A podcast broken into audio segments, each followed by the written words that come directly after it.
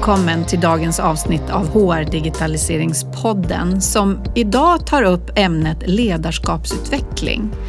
Jag har besök av Tom Hammar från Jomento. Jomento är ett företag som under ett par år nu har utvecklat en ny lösning för att stödja ledare i sin ledarskapsutveckling. Tom har många års erfarenhet av ledarskapsutveckling och pratar bland annat om att eh, den har genomförts på ganska likartat sätt under många års tid. Men nu med de digitala hjälpmedlen så går det att göra på helt nya sätt och stödja ledaren i sin aktivitet och när det behövs förändring. Det här har ju många effekter, eh, väldigt positiva sådana i hur man kan följa upp och hjälpa organisationer att utvecklas till den organisation de verkligen vill vara. Ett jättespännande samtal om ledarskapet, men framför allt om ledarskapsutvecklingen.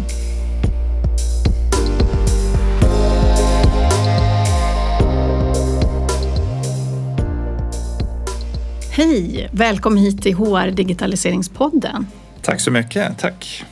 Som all, jag alltid brukar göra så är det så att vi börjar med att du ska få presentera dig själv. Vem är du och vad har du för bakgrund? Mm.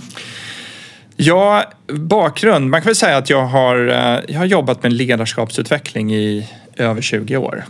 Ehm, och eh, väldigt tradition, traditionsenlig ledarskapsutveckling skulle jag säga. Jag har spenderat mycket rum eh, eller tid i olika konferensrum mm -hmm. eh, ute på kursgårdar eh, och, och försökt stödja ledare att bli bättre ledare helt enkelt. Eh, så att, eh, och det, det har väl eh, i olika format, olika sätt, olika konstellationer så. Jag har varit eh, eh, egen konsult väldigt länge. Så att, och då har jag verkat i olika nätverk. Mm. Eh, men jag har också jobbat till exempel på eh, företaget King som gör Candy Crush. Där var jag ehm, Leadership Development Manager. Så då fick jag ju gå in i en organisation och jobba med vår ledarskapsutveckling internt. Eh, och då fick jag ju med rollen som både ut, ledarskapsutvecklare men också beställare. Mm, mm. Så. Så att eh, mycket som konsult, eh, ledarskapsutvecklare eh, under åren. Så det är väl lite, lite kort om mig eh, eh, fram tills nu för något år sedan då jag eh, tog den här rollen som Head of Leadership eh, och Learning Design på Jumento. Och det är ju en helt annan typ av uppdrag som inte handlar så mycket om att vara ute eh, i kurslokaler. Ja, precis. Annorlunda. Jag förstår det. Eh, har du någon eh, utbildningsbakgrund också så att du har fått några stämplar på? ja, nej, men absolut. Det är viktigt. Eh, nej, men jag är utbildad ekonom, har pluggat i USA på college, kom tillbaka och pluggade på Handelshögskolan så att jag är ju ehm, Eh, kommer mer från business och ekonomi. Men väldigt tidigt så började jag jobba med ledarskapsutveckling eh, på ett företag som heter Gällöfsta som jobbar mycket med UGL. Mm. Så att jag har ju varit under, under många, många år eh, UGL-handledare och jobbar med eh, de här fem dagars utbildningarna. Så att, eh, och det är en väldigt eh, ska man säga, populär eller välanvänd ledarskapsutbildning mm. eh, även idag.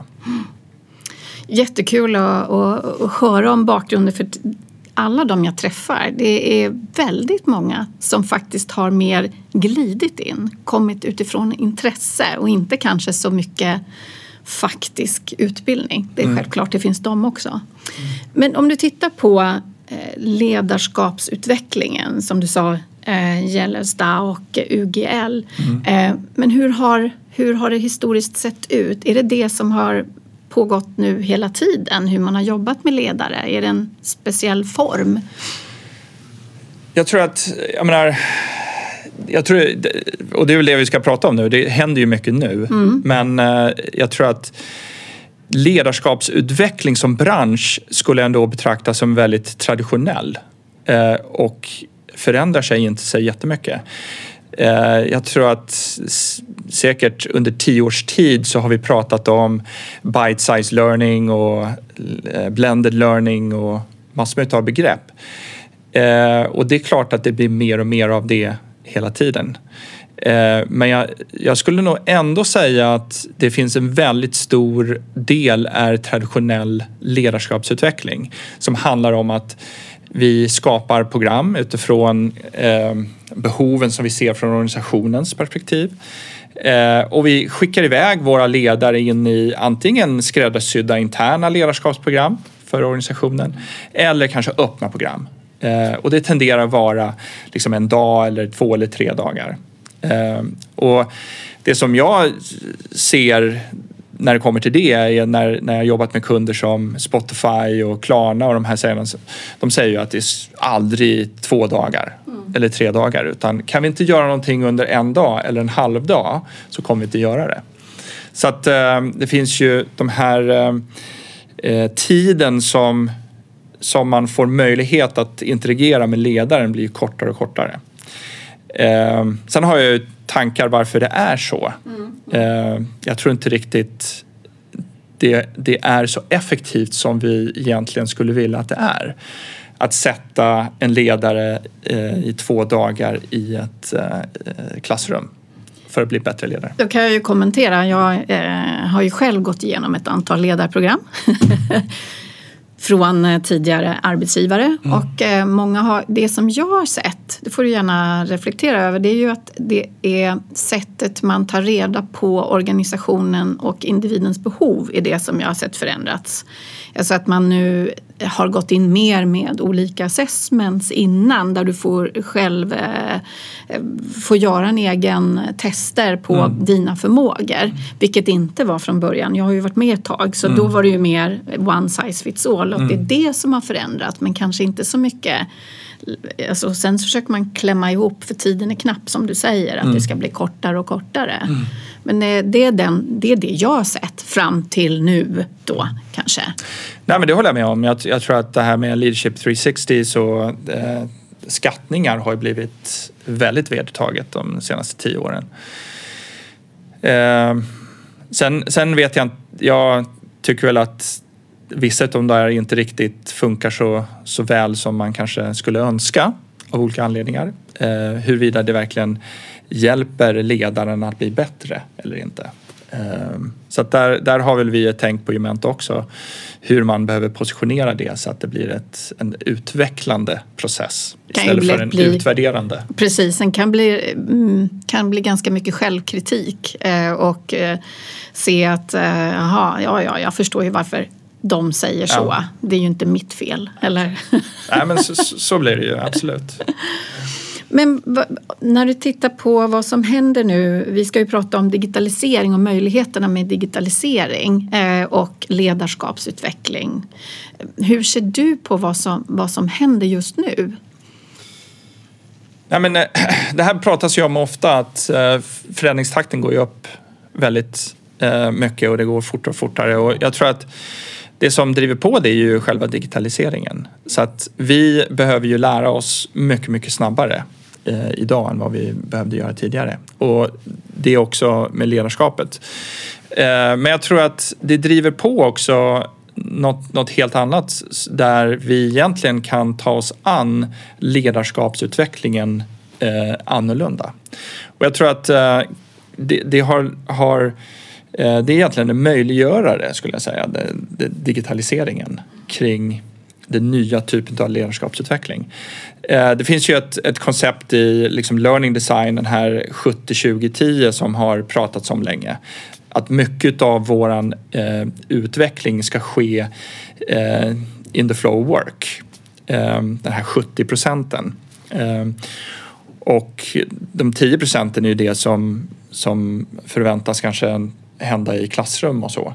Men det ser inte riktigt ut så i eh, en ledares verklighet utan när jag ska utvecklas som ledare så, så och forskningen har visat att det är så, så pass mycket, eh, en studie från McKinsey, eh, de här 10 procenten, alltså klassrumsutvecklingen är upp till 55 procent, inte 10. Så jag tror att, att skifta fokuset från eh, de här eh, klassrum-eventsen mm. till där jag verkligen leder, alltså mitt dagliga ledarskap, är utmaningen.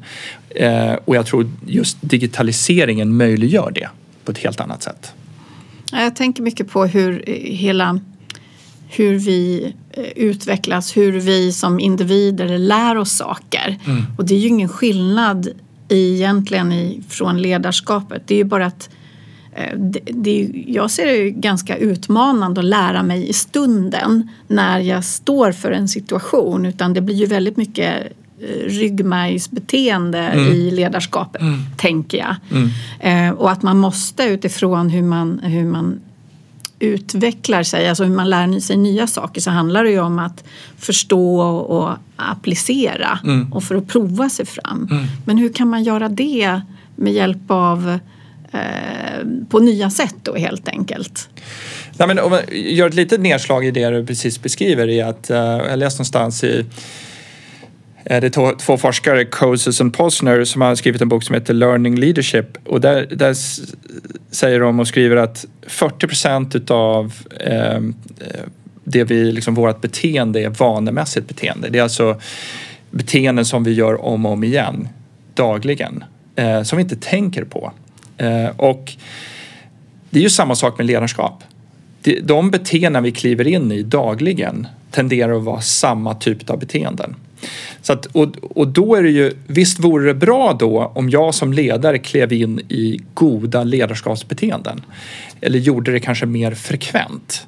Um, för de säger också liksom leadership is, is doing. Um, och gör vi inte ledarskap så är vi inte en ledare. Många, och det är väl här glappet blir lite grann i att när vi förväntas utvecklas som ledare så dyker vi ner mycket i kunskap och ska försöka skapa insikter. Men då måste vi applicera dem in i och göra om dem till beteenden. Mm. Så hur, hur ser det annorlunda ut? Jag tror att eh, det handlar ju om att bryta ner komplexiteten av ledarskap in i väldigt konkreta beteenden. Mm. Eh, och se till att de händer och bygga de vanorna. Så att, och då helt plötsligt är vi inne i en helt annan typ av ansats som handlar om att bygga vanor mm. eh, och att nudga ledaren in i de vanorna. Mm. Eh, och då måste vi göra det när, där det händer. Mm. Eh, så, det, så det är väl det som jag tycker att eh, utvecklingen går emot. Och då har vi ju skulle jag säga, liksom det digitala verktyget som ett sätt att nudga in i de här eh, beteendena mm. och skapa de vanorna. Mm. Eh, funkar väldigt bra. Och jag funderar på lite grann om, om eh, du som har jobbat med ledarskapsutveckling så länge. Eh, är det någon skillnad på, för jag tänker på unga ledare eh, alltså förändringsförmågan. Eh, unga, nya eh, och sådana som har jobbat länge. Eh, ser du någon skillnad på hur de tar till sig utveckling? Nej, men, eh, det tror jag absolut faktiskt är en, en ska man säga, ålders generellt då. Och man ska väl vara försiktig att generalisera men jag tror att det, fin det finns vi blir liksom vana i våra vanemönster desto äldre vi, vi blir. Sen är det där väldigt personligt. Sen finns det finns individer som hela tiden vill utvecklas. Mm. Så jag tror att det finns en seghet i oss som människor att desto äldre vi blir eh, desto svårare blir det för oss att ändra de här vanemönstren mm. eh, rent generellt. Eh, så att, ehm, och för att när vi är unga så är vi i en fas där vi är nyfikna, vill pröva och kanske inte har definierat oss själva helt och hållet. Mm. Och i synnerhet när det kommer till ledarrollen, när jag kliver in i den. Hur ska jag definiera mig och vad gör jag som ledare? Mm. Eh, är jag i den fasen då, då är jag lite mer formbar och, och så. Så, att, så att det är liksom generellt kring ledarskap och ledarskapsbeteenden. Men det är klart, lägger man på lagret utav att, att ha någon typ av digitalt gränssnitt då har vi en komplexitet som handlar om hur van är jag att, att vara i, i det. Till exempel en app eller eh, mm. eh, dator och hela den här eh, liksom Att det är ett naturligt hjälpmedel eller inte. Exakt. Och, och också hur jag ehm, hur jag liksom använder det som ett hjälpmedel. Är man eh, vad de betraktar många gånger så här digital native, då är det helt naturligt. Precis. Och det ser vi ju i vårat verktyg så har vi ju några användare eller många som säger så här, men det här blir helt nytt, jag måste lära mig att ehm, använda det här nya verktyget. Eh, och då blir det ju att bygga den vanan som blir utmaningen. Vi brukar kalla det för vi vill ju hjälpa ledarna att bygga nya vanor men den första vanan vi måste hjälpa dem med är vanan att använda Jumento. Ja, precis. Eh, Men vi har också andra användare som tenderar att vara lite yngre. De säger så här, om inte det här finns i min telefon kommer jag inte använda det. Nej, precis. Eh, Jag kommer inte hålla på med eh, massor med liksom, eh, webbrowsers och så utan jag vill ha allting på ett ställe samlat. Det ska vara seamless. Eh, Så att det är olika. Jag tänker på, för att eh, som jag är nyfiken på, det kanske inte du kan svara på, men har det förändrats vilken typ av ledarskapskompetenser som är viktiga? För jag tänker nu är vi ju en, en stor en transformation och som jag har spanat på ett tidigare avsnitt så är det just det här att vi då kommer fram digitala verktyg för att hjälpa ledare att utvecklas. Men vilka, vad är det man fokuserar på i utvecklingen? Vad är det som är viktigt just nu? Nej, men jag, jag tror absolut ledarskapet ändrar sig. Eh, och just liksom i den digitala världen. Inte bara måste man vara snabbare. Så att eh, jag tror att tidigare när jag kunde kliva in i mitt ledarskap så kunde jag liksom skapa de här eh, förmågorna, ledarskapsförmågorna och de liksom räckte rätt långt skulle jag säga. Men jag tror att den nya ledarskapen, den nya ledaren behöver egentligen omformulera sig själv kontinuerligt. Att hela tiden lära sig nytt. Jag är aldrig färdig som ledare. Och när det kommer till där vi är just nu, naturligtvis så blir det nya utmaningar kring att leda på distans. Att, att, eh, jag, jag tror ju fortfarande att ledarskap handlar om det här mänskliga mötet. Men hur gör jag det när jag inte träffar mina medarbetare eller kollegor? Det är ju, det är ju en, en ny utmaning som vi, vi har tagit oss an eh, väldigt, väldigt tydligt nu. Det är ena biten. Den andra biten är att just i den här mer digitaliserade världen så är det ju det här med data superviktigt. Vi nu helt plötsligt har en helt annan transparens kring vad som egentligen händer. Eh, och det, det kan vi också kanske prata lite grann om eh, liksom dat, datan bakom ledarskapsutveckling. Men, men jag tror att där ser jag en stor skillnad att vi som ledare behöver bli mer och mer datadrivna. Alltså ta beslut baserat på data och inte bara liksom magkänsla. Eh, så att, att egentligen använda och, och den digitaliseringen som, som vi är inne i, i mitt dagliga ledarskap. Och då menar du data omkring de människor jag leder? Det kan vara en sak, absolut, eh, kring de eh, människorna jag leder och det är ju där vi vill eh, liksom skapa mervärde för ledaren. Hur får jag relevant data från mina medarbetare kring hur jag kan leda bättre? Eh, Men det andra är ju datan som händer i, i hela organisationen eller i min enhet. Hur kan jag vara mer datadriven i mitt beslutsfattande och vägval? Och det är ju mer en ledar, Ja, ledarskapsfråga. det är ju en, en generell hur pass datadrivna man är som bolag. Jag satt faktiskt nu när, när du kom så lyssnade jag på en gammal podd som just handlar om people analytics Ja. och analytics generellt. Eh, Så här, bi, bisats i det här. För det är ett väldigt eh, intressant område också där det finns så mycket man kan göra och inte har gjort ännu. Absolut. Men om man byter eh, till Jomento och vad ni gör. Kan inte du berätta lite vilka Jomento är och hur det kom sig att man tar fram en, då en digital plattform eh, för att leda? Nej, men, eh, vi brukar kalla oss för eh, liksom ett digitalt datadriven ledarskapsutveckling. Och vad vi menar med det är ju Jumento är ett nudging-verktyg som hjälper ledaren att aktivera och kliva in i kraftfulla ledarskapsbeteenden. För det, det har vi sett att det, det, det, är inte det är inte bara de här, klass, de här klassrumstillfällena är uppskattade eh, men de kanske inte har nått hela vägen fram. Så att det är något annat som behövs. Eh, och vi, vi brukar använda en metafor eh, att, att ledarskapsutveckling är som att ta hand om tänderna.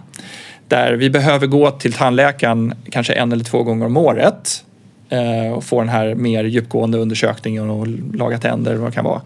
Men vi behöver också borsta tänderna. Och Jumento är som tandborsten. Vad gör jag för att eh, egentligen bygga kraftfulla ledarskapsvanor och beteenden? Så det är väl det, är väl det som vi försöker skapa. Eh, möjliggöra att vi gör små eh, beteenden i, i, våran, dag, i våra dagliga ledarskap. Eh, och då, då är det några saker som är viktiga. Det ena är ju att vilka beteenden behöver jag kliva in i? Eh, och då behöver jag ju mina medarbetare och kollegors hjälp. För det är ju därför jag är där. Det är det som hela ledarskapsrollen handlar om. Att möjliggöra att du som min medarbetare kan göra ett bra jobb. Så att det är ju i, i, utifrån deras perspektiv som jag behöver samla in den här datan. Vilka ledarskapsbeteenden kliver jag in i ofta? Ofta nog och ska fortsätta med. Och vilka beteenden behöver jag eh, kliva in i oftare för att stödja dig på rätt sätt som ledare? Så det är en väldigt viktigt medskick som, som, som vi har försökt skapa eh, för ledaren och vi kallar det här för Leadership Habit Profile. Och det, det är en feed forward som tittar in i framtiden eh, istället för att göra en skattning som tittar en, i, i liksom backspegeln och mm. en utvärdering. Utan det här är mer vad behöver jag som ledare göra oftare och mer frekvent. Mm. Så då är det egentligen inte så att någon har bestämt vilka, vilka ledarskapsförmågor som är viktiga för bolaget eller för gruppen utan det är gruppen som som gör det här då? Ja, exakt. Jag skulle säga att det är den, det är den absolut viktigaste eh, medskicket till mig som ledare. Eh, och jag, om man kliver tillbaka i min gamla roll som ledarskapsutvecklare så brukar jag alltid ge rådet till ledare. Men, eh, fråga dina medarbetare, vad behöver du av mig? Mm. Vad behöver du av mig för att du ska kunna göra ditt jobb på ett bra sätt?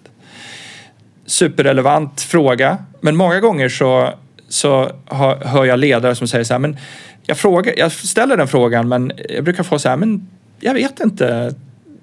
Fortsätt som du gör. Mm. Eh, och jag tror att det bygger på att det är svårt för medarbetaren att verkligen knyta an till det och svara på den frågan.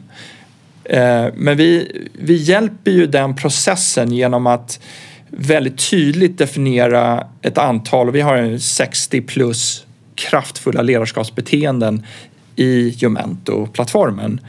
Och det är ju de som medarbetaren och kollegan eh, egentligen ja, eh, använder för att eh, ge feed forward kring mm. huruvida du som ledare eh, gör det här frekvent nog eller kanske behöver kliva in i oftare. Mm. Mm. Eh, så att, så att det, det, är en jätteviktig datapunkt från mina medarbetare. Eh, med det sagt så, så, så, är det ju ofta har vi sett med våra kunder att de vill också driva mot en kulturell skifte. Till exempel, vi vill bli mer innovativa och då måste vi leda på ett sätt som skapar en innovationskultur. Så att eh, där eh, kan vi också tillsammans med eh, våra kunder försöka bygga och lyfta fram de typer av beteendena som som organisationen vill se mm. mer av. Jag förstår. Så, så det, det finns kombination. Flera ja, det är en kombination, absolut. Ja, för det är självklart att eh, en organisation eh, vill förflytta sig eller förstärka eller eh, förändra utifrån var man vill befinna sig på marknaden och mm. vad som händer. Och det kan ju inte bara individerna för de har ju en historia mm. som, som de svarar utifrån. Så det är en kombination alltså. Men hur går projekt till då med att använda Jumento som plattform?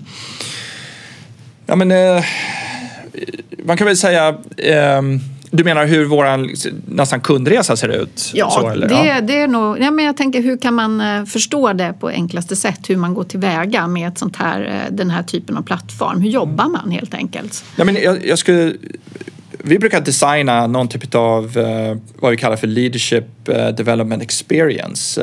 Eftersom det här handlar om att bygga vanor så gör man det över tid. Och små konkreta vanor som jag gör flera gånger bygger just den här vanan. Så det här är ingenting man gör eh, under några dagar naturligtvis, eller månader. Utan våra engagemang med kunder tenderar att vara eh, årsvis. För att långsamt bygga upp de här vanorna från mig, för mig som ledare. Eh, så att vi brukar designa en, eh, en sån här learning journey eller en learning experience.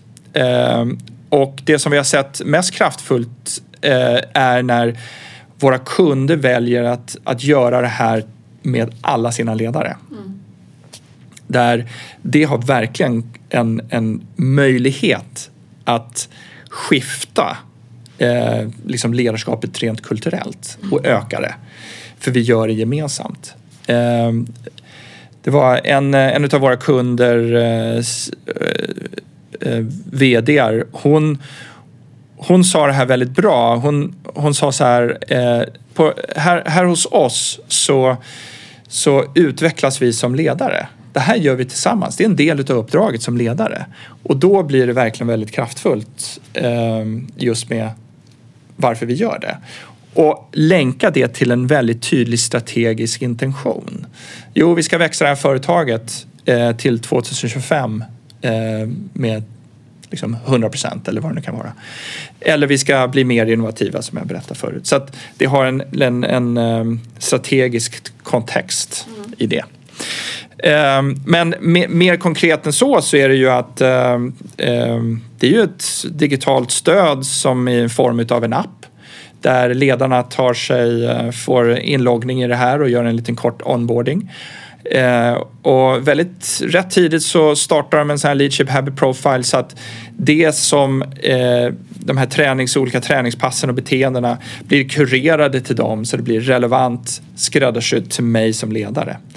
Eh, och sen så är det ju när hela den processen börjar så är det ju eh, en väldigt intressant resa från kundens perspektiv och titta på eh, all data som det här ger. Eh, och eh, det är ju en annan aspekt som vi tycker är viktig att här helt plötsligt kan en, eh, från kundens perspektiv så kan vi börja få insikt i realtid. Hur, vilka beteenden kliver våra ledare in i? Vilka beteenden önskar medarbetarna att våra ledare ska kliva in i oftare? Och det kan vi ge stöd kring. Eh, hur, hur ofta gör de det? Eh, hur utvecklas deras, eh, vad vi kallar för liksom ledarskapsindex? Vi har den här Habit Index som mäter egentligen hur, eh, hur ofta medarbetarna upplever att jag kliver in generellt i ledarskapet. Vi har också en Trust NPS som, som också används som en korrelation till det goda ledarskapet. Så att här är plötsligt så kan, kan vi få en tydlig bild kring var vi är som organisation och vårt ledarskap och hur det över tid utvecklas. Wow, så spännande. Jag tänker att eh, jag fick en tanke kring hur det relaterar till, man har ju försökt att jobba med det här med medarbetarundersökningar tidigare. Mm. Hur ser du på den eh, kopplingen? Finns det någon koppling här emellan? Ja, men det finns en jättestark koppling mm. faktiskt. Eh, jag, jag skulle vilja säga att det som vi gör är ju att titta på från ledarens perspektiv och medarbetaren på mig som ledare för ledaren. Mm. Vad, så att vi, vi har ju utgångspunkten från ledaren och ledarens utveckling. När vi, när vi gör den resan tillsammans med en, en kund Ofta så har ju de en, en medarbetarundersökning, en pulsmätning, en engagement survey. Och där ser vi ju utfallet kring konsekvensen av ledarskapsutvecklingen. Så att, eh, ehm, och det som vi mycket jobbar med nu det är att just i, i våran dashboard sätta in vad händer med, med kundens leadership index eller engagement score. Mm. För det är ju där det ger utfall. Mm. För det har ju forskningen visat att det är ju eh, upp till 70 procent utav eh, liksom påverkan som in i engagement kommer från ledarskapet. Är det så mycket? Alltså? Det är Gallup som, som liksom har forskat fram att eh, hur jag upplever mitt direkta ledarskap till 70 procent påverkar min engagement. Och det vet vi, det finns en väldigt nära koppling till liksom engagemang och företagets resultat. Precis. Så att vi ser ju att vi vill ju trigga igång det här eh, skeendet som skapar goda resultat genom att hjälpa ledaren, inte att kunna ledarskap.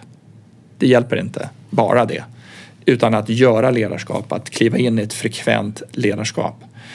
Ehm, och det har vi ju sett hos kunder och, och, och är jättenöjda och glada att vi, vi ser tydliga korrelationer kring att den här eh, skeendet händer. Så har ni, har ni fått någon feedback från kunder kring att de har också eh, förändrat sin eh, lönsamhet eller intäktsnivåer? Alltså hur, hur det monetära har påverkats? Ja, alltså vi har ju haft eh, kundresor nu uppemot ett år med många av våra kunder, fem, sex stycken. Så vi börjar ju verkligen kunna titta på den datan. Vi har en kund som vi har samarbetat med länge, med Nigo, Eh, och där har vi jobbat med 111 utav deras ledare under en sex månaders period. Och, och de hade ju tydliga ambitioner. De ville öka sin engagement eh, score och eh, leadership index.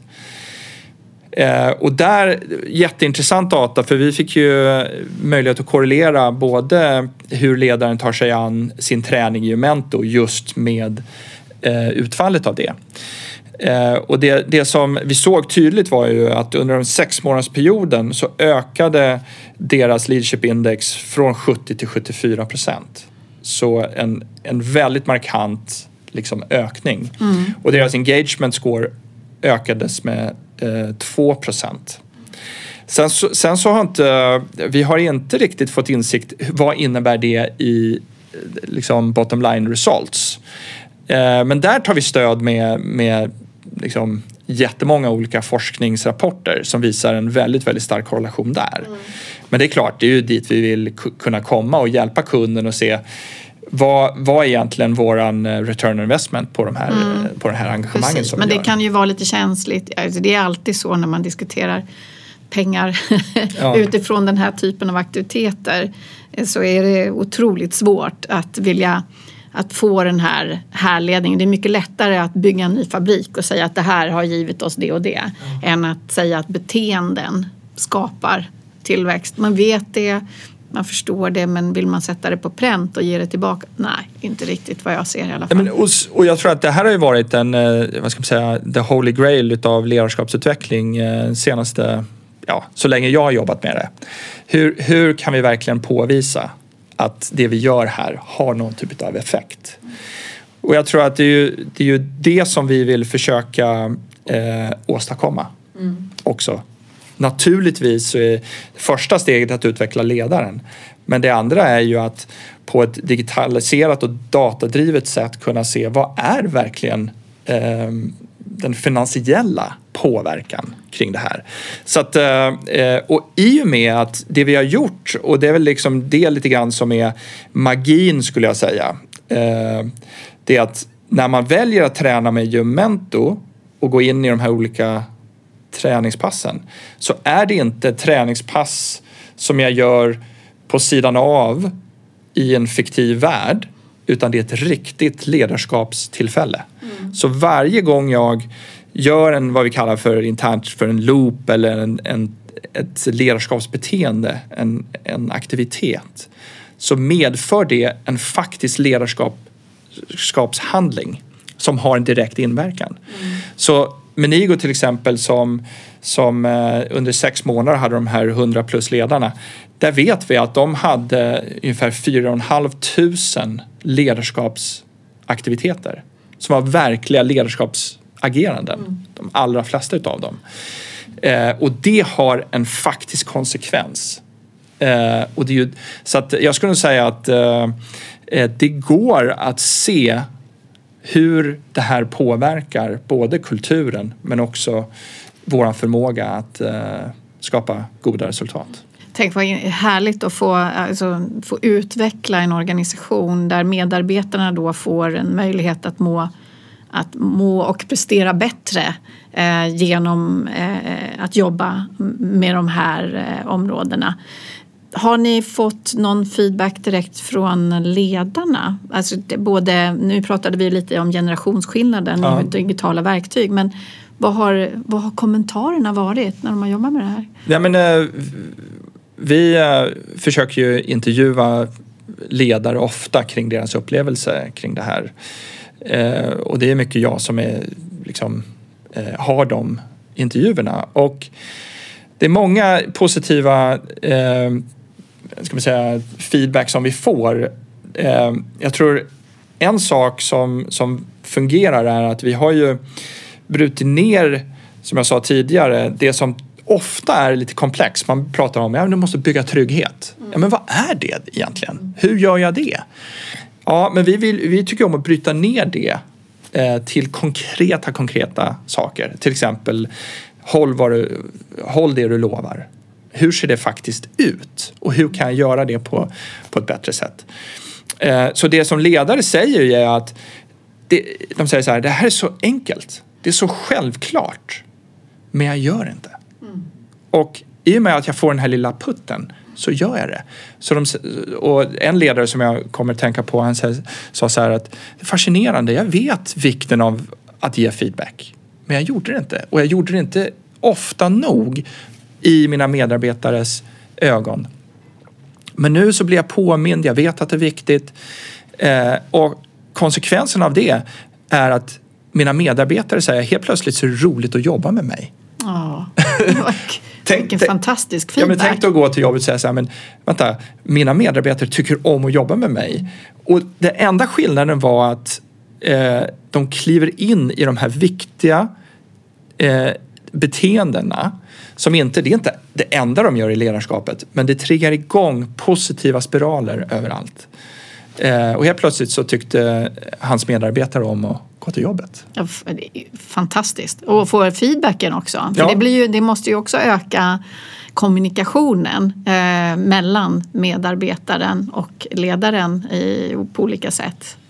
Absolut, och det öppnar den här kanalen. Mm. Och, och, vi brukar ju säga att, och ge rådet till ledarna som jobbar med Jomento att gör inte det här till någon, någon eh, liksom gömd process utan säg, vet du vad, jag tränar på aktiv lyssning eller jag tränar på eh, att ge feedback. Hur funkar det? Hur upplever du det? Mm, mm. För jag har förstått att jag behöver göra det mer ofta. Så att eh, gör ledarskapet och ledarskapsutvecklingen till ett samarbete. Eh, och det, det syftar verkligen Jumento till att skapa det här eh, goda samtal kring ledarskap. Mm. Jag tänker hur, eh, men det här är för led, chefer eller är det alla typer av ledare? Eller att man leder ett team. Hur, ja. hur gör ni? Där? Ja, men, eh, vi, eh, det där är en fråga som vi får rätt ofta och jag tycker eh, och det är ju kopplat också till hur ledarskapet utvecklas skulle jag säga i, liksom, idag och framöver. Men vi brukar säga att vi, vi tittar på ledarskap, vi kallar det för ledarskap och, och försöker lyfta fram de här ledarskapsbeteendena som egentligen inte är kopplat till en specifik roll utan vi, vi använder ledarskapsdefinitionen eh, väldigt brett. Så alla är ledare. Mm. Men eh, vi kanske leder utifrån olika sammanhang. Så att även en medarbetare är en ledare. Så att eh, eh kunder, våra kunder och vissa kunder gör det här för alla medarbetare. Eh, och jag som projektledare eller teamledare eller medarbetare behöver kliva in i många av de här beteendena för att skapa eh, en bra miljö. Eh, så att eh, jag skulle säga att ledarskapet är för alla. Eh, sen så är det olika beteenden.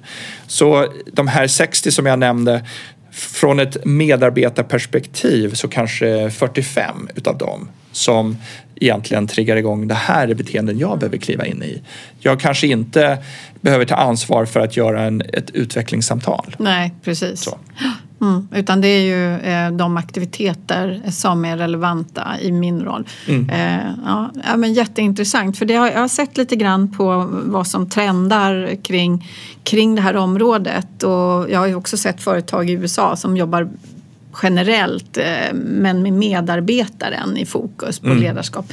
Men som du säger, här är det, ni kan göra både och då om jag förstår rätt. Ja men exakt och det blir ju lite och det ser vi ju i dagens eh, liksom, agila organisationer. Vi har inte den traditionella chefen längre. Det är rätt komplicerade matrisorganisationer och det går inte att riktigt pegga de här eh, liksom, hierarkiska eh, liksom, eh, rollerna på det sättet. Så, att, så att det, det, är viktigt att kunna ha ett bredare begrepp kring ledarskap. Eh, och eh, vi, i min mening så behöver vi alla ta ansvar för att kliva in i ledarskapet. Mm. Hur länge har ni hållit på? Eh, jag tänker det här är ju, I min värld så är det hyfsat nytt men sen kan ju företag ha legat och gjort saker länge. Ja men så har det nog man... varit. Uh, Jumento har funnits som idé och uh, förädlats under ungefär fyra år. Mm. Men det var väl ungefär för ett, ett och ett halvt år sedan som, som vi gick ut med en, med en produkt och började jobba med eh, kunder. Mm. Så att eh, man kan väl säga att vi, vi är ju i en fas där vi verkligen håller på att förädla produkten. Naturligtvis så kommer vi kontinuerligt göra. Mm. Eh, men också att eh, eh, eh, få samarbeta med mer och mer kunder. Mm. och det som jag tycker är intressant är ju att eh, det är en stor förändringsprocess för att det här eh, förändrar också hela sättet vi som, som organisation tar oss an ledarskapsutveckling. Mm. För att det här är, det är faciliteringslöst. Alltså det, det är ingen tränare, det är ingen liksom kursledare. Vi behöver inte åka någonstans. Eh, det, och då helt plötsligt så har vi ju, vi oftast, de flesta organisationer är riggade för en helt annan typ av leverans utav det här. Vi ser inget motstånds, motståndsförhållande för det här är ju som, igen som att ta hand om tänderna. Eh, men jag tror att man kan skruva om det där lite grann så att man kan stödja ledaren på rätt sätt kring rätt saker. Eh, så att eh, vi, vi försöker också stödja våra kunder med att eh, egentligen skifta sitt mindset kring hur vi eh, utvecklar våra ledare. För jag tänker precis som du säger det här med tandläkarbesöken ibland. Att få inspiration kring varför eh, och sen hur eh, kommer in och, och gör saker. Men ibland kanske man behöver lyfta perspektivet och förstå varför företaget jobbar med de här frågeställningarna och så vidare. Absolut. Så att, inte, så att det kommer vara relevant med, med flera typer av leveranser. Absolut, och jag, jag tror att eh, liksom om man blickar lite framåt så tror jag att eh, istället för att eh, vi går till en kurslokal och blir matade av information och kunskap så kommer vi få det på andra sätt. Det gör vi ju redan genom olika, eh, liksom olika sätt.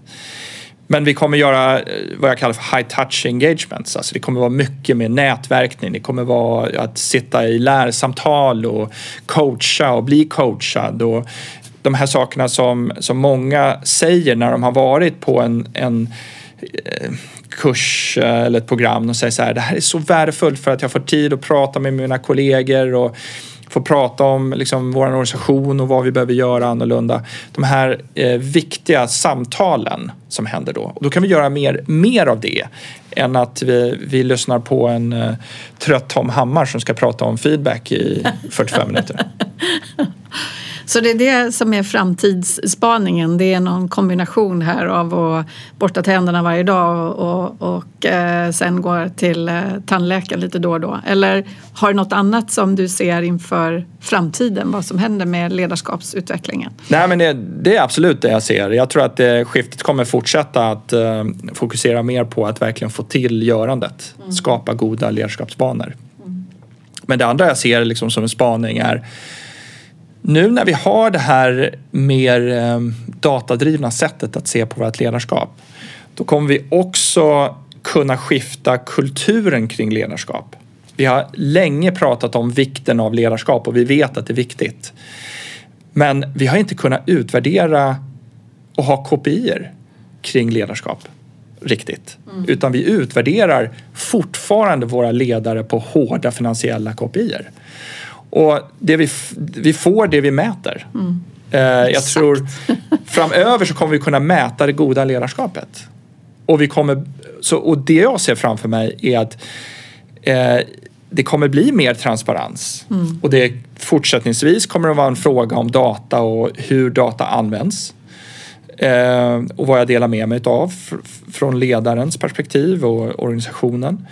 Men den här ökade transparensen kommer ge en organisation möjligheten att kunna se vilka är mina ledare som kliver in i ledarskapet, som är mina goda ledare. Och, och kunna följa upp och coacha. Och följa upp och coacha ja. dem. Och vilka är det som behöver mer stöd? Mm. Eh, och faktiskt, vilka är mina, vad som jag skulle kalla för toxic leaders? Att kunna se dem. Och inte i en illmening eller illvilja och säga så här, men är ledarrollen rätt för dig? Vill du utvecklas? Vi kan hjälpa dig, vi kan stödja dig.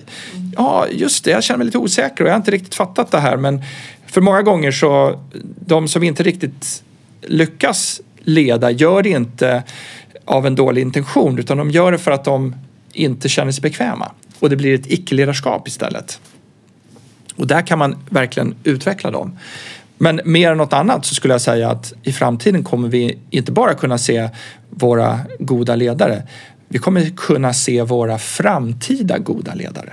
Mm. Eh, och där ser jag en stor potential i, i eh, liksom AI och kunna se vilka är våra ledare och individer som vågar utmana sig själv, våga ta steg, gå utanför comfort, sin comfort zone, som kanske inte exceptionella ledare idag men kommer bli det om ett, två, fem, tio år. Mm.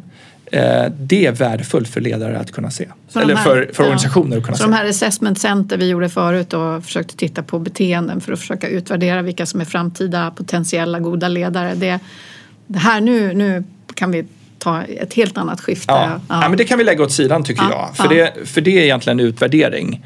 Eh, och det, det tycker jag är relevant. Mm. Huruvida jag inte helt irrelevant. Men det som jag tycker är viktigare att veta vilka är mina framtida ledare? Mm. Där har man en utvecklingspotential.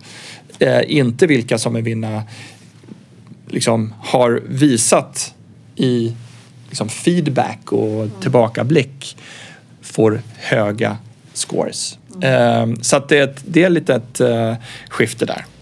Absolut. Jätteintressant. Eh, tack så jättemycket för att du kom hit och delade med dig. Det här tyckte jag var superspännande. Tack själv. Det var jätteroligt att gräva ner sig i de här. Så man eh, spenderar ju varje dag med att eh, dubbelklicka in i de här olika eh, områdena. Så tack så hemskt mycket.